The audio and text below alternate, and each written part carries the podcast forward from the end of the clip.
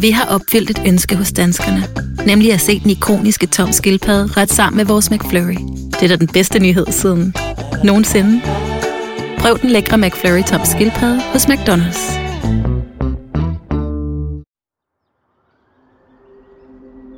Pia var urolig. Hun var kommet for sent op den morgen, havde hastet hen til hundetrimmeren med snavseren, og nu sad hun og ventede utålmodigt i det gamle folkevognsrobrød på sin mand. Henning havde vasket op og ret senge, og på vej ud af huset tømte han postkassen. Han var næsten klar til at hoppe ind på førersædet ved siden af Pia, da han klappede sig selv på jakkelommen og råbte til hende, at han havde glemt sin pistol. Hun rullede med øjnene og sagde, lad os nu bare køre. Hun var ivrig efter at komme ind til boden på staden, for hun havde at have hash liggende. For hvad nu, hvis strisserne kom? Henning startede folkevognen, men ud af øjenkrogen så Pia en sortklædt mand løbe i zigzag ind foran bilen med et våben i hænderne.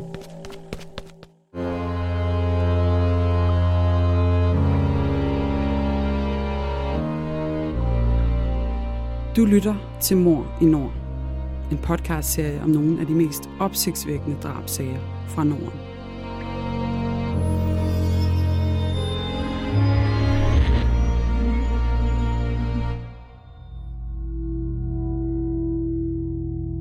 Det du nu skal høre er en virkelig historie. Den er researchet og fortalt af Janne Ågaard og læst op af Le Gammeltoft.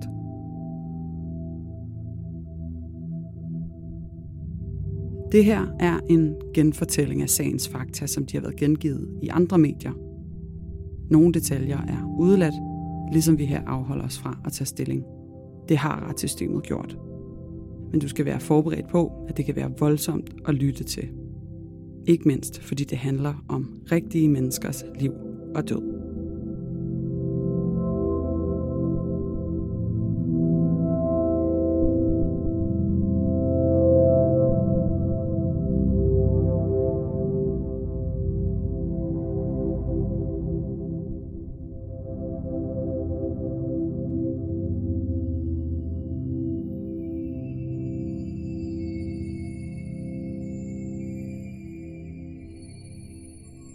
Inden manden affyrede maskinpistolen og kuglerne fløj dem om ørerne, nåede Pia at registrere, at den sortklædte mand havde underansigtet skjult, og at han havde nogle meget ondskabsfulde øjne. Flere kugler knuste forruden og ramte Henning. Han var såret, men formåede at skubbe Pia ud af passagersædet. Hun var nu nede på asfalten, skjult bag vogndøren, og mens kugleregnen fortsatte, krøb hun langs bilen og hen til bagenden, hvor hun satte sig på huk. Pludselig stoppede maskinpistolen, og Pia kunne høre den knasende lyd af mandens fodsåler, mens han gik rundt om varevognen.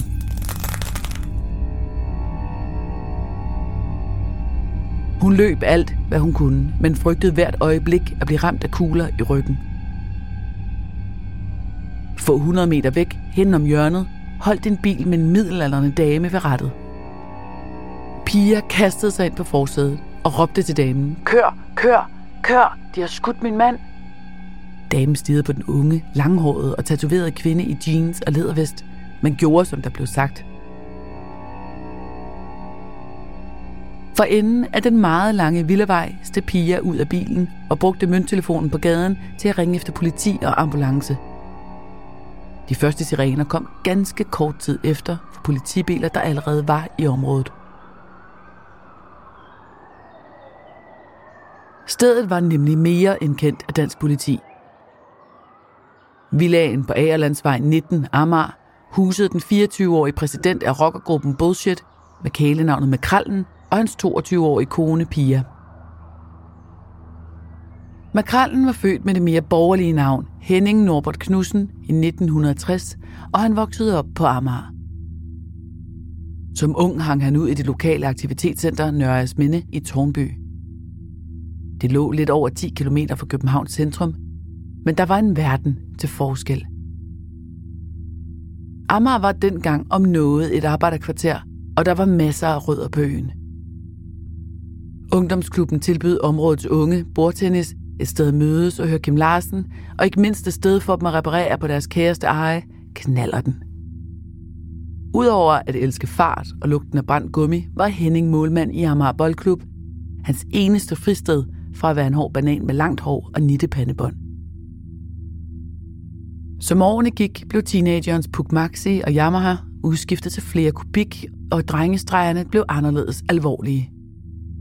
Nu hed mødestedet Klubhuset, og gruppen af unge mænd kaldte sig Motorcykelklubben Bullshit. Henning mødte piger til en julefrokost, og de to pur unge mennesker blev hurtigt gift. Han var Amars ukronede konge og gjorde, som det passede ham. Pia faldt pladask for den karismatiske og intelligente Henning, der styrede de jævnaldrende med hård og retfærdig hånd. Henning, eller bare Makrallen, som hans kælenavn var af uforklarlige grunde, var allerede som 22-årig blevet valgt som præsident for klubben, hvor han var veltalende, vittig, ja faktisk den fødte leder. Han delte øretæver ud uden tøven, når nogle af medlemmerne trådte ved siden af. Det skete med jævne mellemrum, især med mange rivaliserende klubber i København, såsom Unionen fra Nørrebro og Morticians fra Vesterbro. Slagsmål var hyppige. Konflikterne handlede om territorier og med tiden også om det lukrative hashmarked. Markedet var i hastig vækst med de utallige hashboder i fristaden Christiania, eller bare staden i folkemunden. Da motorcykelklubben Unionen lige op til 1981 søgte og fik optagelse i alle motorcykelklubbers moder, amerikanske Hells Angels, eskalerede konflikterne. Fra nu af var Hells Angels MC i Danmark en realitet, og alle andre klubber skulle underlægge sig. Dansk politi fik pludselig en forsmag på de kommende årtiers organiserede kriminalitet. Indtil da havde landet været et fredeligt smørhul midt i Europa, men det var slut nu. Der var efterspørgsel på alt fra hash til hårde stoffer, og det marked gav mange blod på tanden. Der var indtægter på mange millioner af kroner i vente. Med kampen om stofmarkedet fulgte våben, vold og intern rivalisering i en skrue uden ende. En skrue, der nådesløst er fortsat til den dag i dag.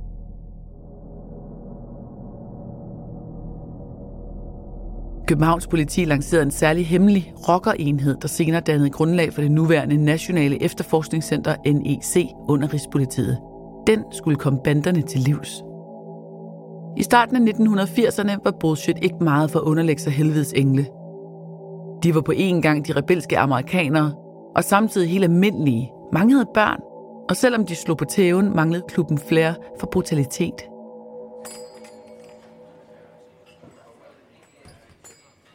I september 1983 trådte tre medlemmer af Bullshit ind på HA-territoriet ved at besøge restaurant Søpromenaden i København, velvidende af HA holdt en privat fest i klubhuset på Titangade. Det resulterede i en regulær straffeaktion, hvor HR'erne hastede til Søpromenaden for at afstraffe de tre unge mænd. De blev stukket ned med knive. To af dem døde. 3F er fagforeningen for dig, der bakker op om ordentlige løn- og arbejdsvilkår i Danmark. Det er nemlig altid kampen værd. Bliv medlem på 3F.dk og få en masse fordele og muligheder, som blandt andet fri adgang til alle 3F Superliga-kampe til dig og en ven, løntjek, hjælp til efteruddannelse og meget, meget mere. 3F gør dig stærkere. Fjendskabet mellem de to klubber brød i lys lue, og resten af befolkningen så måbne til. Hvad gik konflikten egentlig ud på? Udadtil nægtede motorcykelklubberne hårdnakket at være arnested for organiseret kriminalitet, men ikke desto mindre handlede konflikten om både penge og magt. To måneder efter knivstikkeriet på Søpromenaden gik makrallen på tv i bedste sendetid for at forklare årsagen. Det er ren magtsyge fra Hells Angels side, sagde han iført lædervest, pandebånd, en trøje med det amerikanske sydstatsflag på og med sine mange tatoveringer på armene. Han kaldte drabsmanden for Søpromenaden en fed idiot, og fortalte om, hvordan han selv havde overlevet tre attentater. Hvor gammel regner du med at blive? spurgte tv-verden den 23-årige Makral, der svarede, så gammel, at Hells Angels ikke eksisterer længere. Makral var tidligere blevet skudt på og ramt overfladisk ved halsen. Senere var han blevet skudt i måsen, men en enkrone i baglommen havde reddet ham. Nu var kronen forgyldt, men den havde han ikke taget med i studiet. Efter interviewet gelejtede politiet ham og fruen ud, De frygtede endnu et attentat uden for Danmarks Radios hovedkvarter, kaldet TV-byen, der dengang lå i Søborg. Det fjerde attentat på Makrallen fandt sted et halvt år senere på en smuk forårsdag i maj 1984. Det var den dag, den ukendte maskinpistolskytte åbnede ild mod Folkevognsrobrødet, lige der på Agerlandsvej. Om makrallens manglende pistol kunne have reddet hans liv, er svært at sige. Men da Pia gik retur mod folkevognsrubrødet og parets villa på Agerlandsvej, efter at kuglerne var stoppet og politiet tilkaldt, troede hun stadig, at Henning var i live. Også selvom hun så, at falkredderne bar Henning i arme og ben over til ambulancen, mens hans hoved dinglede bagover, og hans lange hår nåede asfalten. Ambulancen kørte afsted uden sirener, mens Pia modvilligt blev kørt til afhøring på politigården i København. Selvom Pia var i chok, fejlede hverken hendes syn eller hukommelse noget. Hun identificerede Jørgen Jynke Nielsen fra Hells Angels som mulig attentatmand, også selvom hans underansigt var dækket af en slags maske. Øjnene, de ondskabsfulde øjne, skulle hun sent glemme. Men Pia fik ikke meget sympati for efterforskerne, der brugte lejligheden til at udspørge hende om pistolen, Henning havde glemt. Fem dage inden havde tre kammerater fra ungdomsklubben Stjernen på Amager overnattet på Femøren, et skovområde på Amager. To af dem var blevet skudt og dræbt af en ukendt gerningsmand. En af dem, en bare 16-årig dreng med navn Enrico, var en af Hennings venner. Københavns politi mente, at Henning var en mulig gerningsmand, og nu så de deres mulighed for at få fingrene i et gerningsvåben. Pia nægtede at sige noget om pistolen, og hun blev efter endt afhøring kørt retur til Amager, hvor hun mødtes med de vantro medlemmer for bullshit. Bagefter kørte hun hen til Amager Boldklub for at aflevere fodboldtrøjerne, hun havde vasket derhjemme. AB skulle spille kamp den morgen, og de skulle have deres klubtrøjer. Anføreren havde skaffet sørgebind, og bolden gik en runde på banen for at mindes deres afdøde målmand. Et par uger senere gik Pia forrest og bar kisten sammen med klubkammeraterne ved besættelsen for Tornby Kirke. I mellemtiden havde Københavns politi med drabschef Volmer Petersen haft nok at lave, både med rivaliserende rockerbander og det famøse dobbeltdrab på Femøren. Dobbeltdrabet viser i øvrigt at være begået af en makedonsk taxachauffør ved navn Naum Konevski, der havde lavet sit had og raseri mod Danmark gå ud over to tilfældige drenge. Efterforskning af drabet på makrallen viste en nøje tilrettelagt likvidering. Varevognen viste at være købt 14 dage tidligere med et stjålet kørekort. Skytten havde parkeret bilen foran parets hus tidligere om morgenen og derefter ventet i timevis. Da Pia og Henning var klar til at køre, løb han ud foran varevognen og affyrede maskinpistolen, en såkaldt stinggun. Da Henning var død og lå med hovedet nedad ved den åbne bildør, gik skytten hen til ham og affyrede maskinpistolen igen. Det var en koldblodig likvidering, og obducenten talte over 30 skudsår. Skytten tog derefter en blå Centurion-cykel fra sin varevogn og cyklede derfra. Cyklen blev senere stillet ulåst ved Kastrup Lufthavn, hvor en cykeltyv nappede den. Skytten var rejst ud af landet, og politiet mistænkte ham for at være taget til USA, hvor Hells Angels havde sit hovedkvarter. Københavns politi havde renset HA's hovedkvarter i Titangade på Nørrebro samme dag som drabet på Makrallen, og de havde samtidig opsat lytteudstyr. Det skulle vise sig uundværligt, for de åbenmundede engle talte indbyrdes om den tilsyneladende vellykkede likvidering, og ikke mindst om dem, der havde hjulpet med at skaffe varevogn og planlægge drabet. Efter nogle uger valgte politiet at offentliggøre den mistænktes navn, og det var, som Pia havde sagt, Jørgen Jynke Nielsen for Hells Angels – han var i forvejen udeblevet for afsoning af en dom, og nu var han efter alt at dømme stukket af til udlandet. Politiet efterlyste ham via Interpol, men der skulle gå år, før han blev anholdt og formelt sigtet for drabet. Jynke var rejst via Frankrig til Kanada, og under opholdet i selvvalgt eksil skrev han en selvbiografi om tiden i rockerklubben helt op til drabet på Makrallen.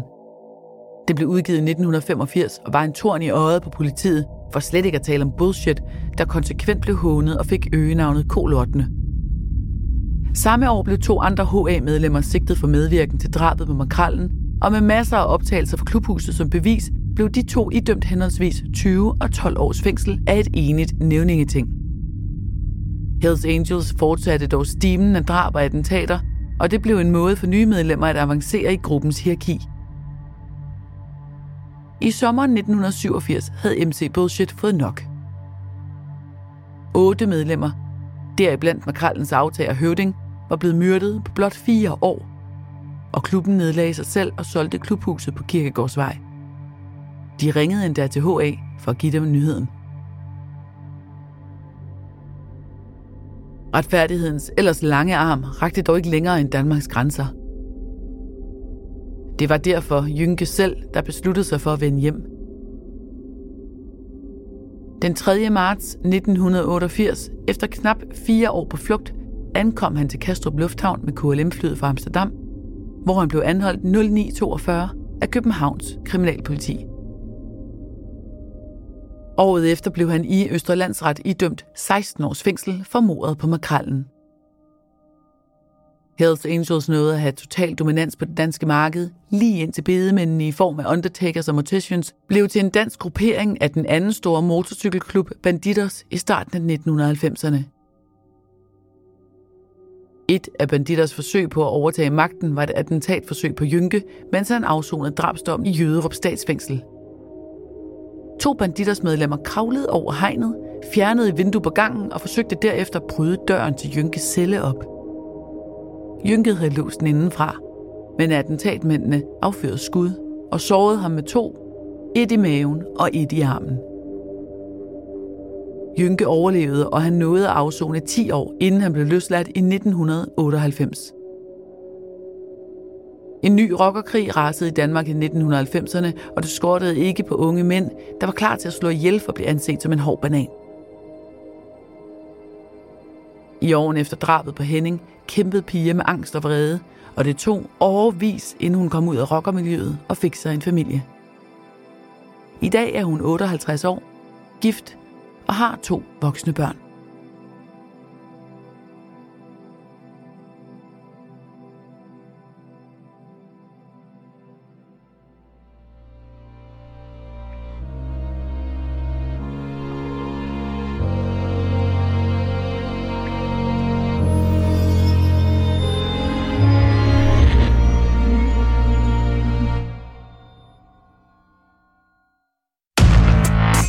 I Bygma har vi ikke hvad som helst på hylderne. Det er derfor, det kun er nøje udvalgte leverandører, du finder i Bygma. Så vi kan levere byggematerialer af højeste kvalitet til dig og dine kunder. Det er derfor, vi siger, Bygma. Ikke farmatører.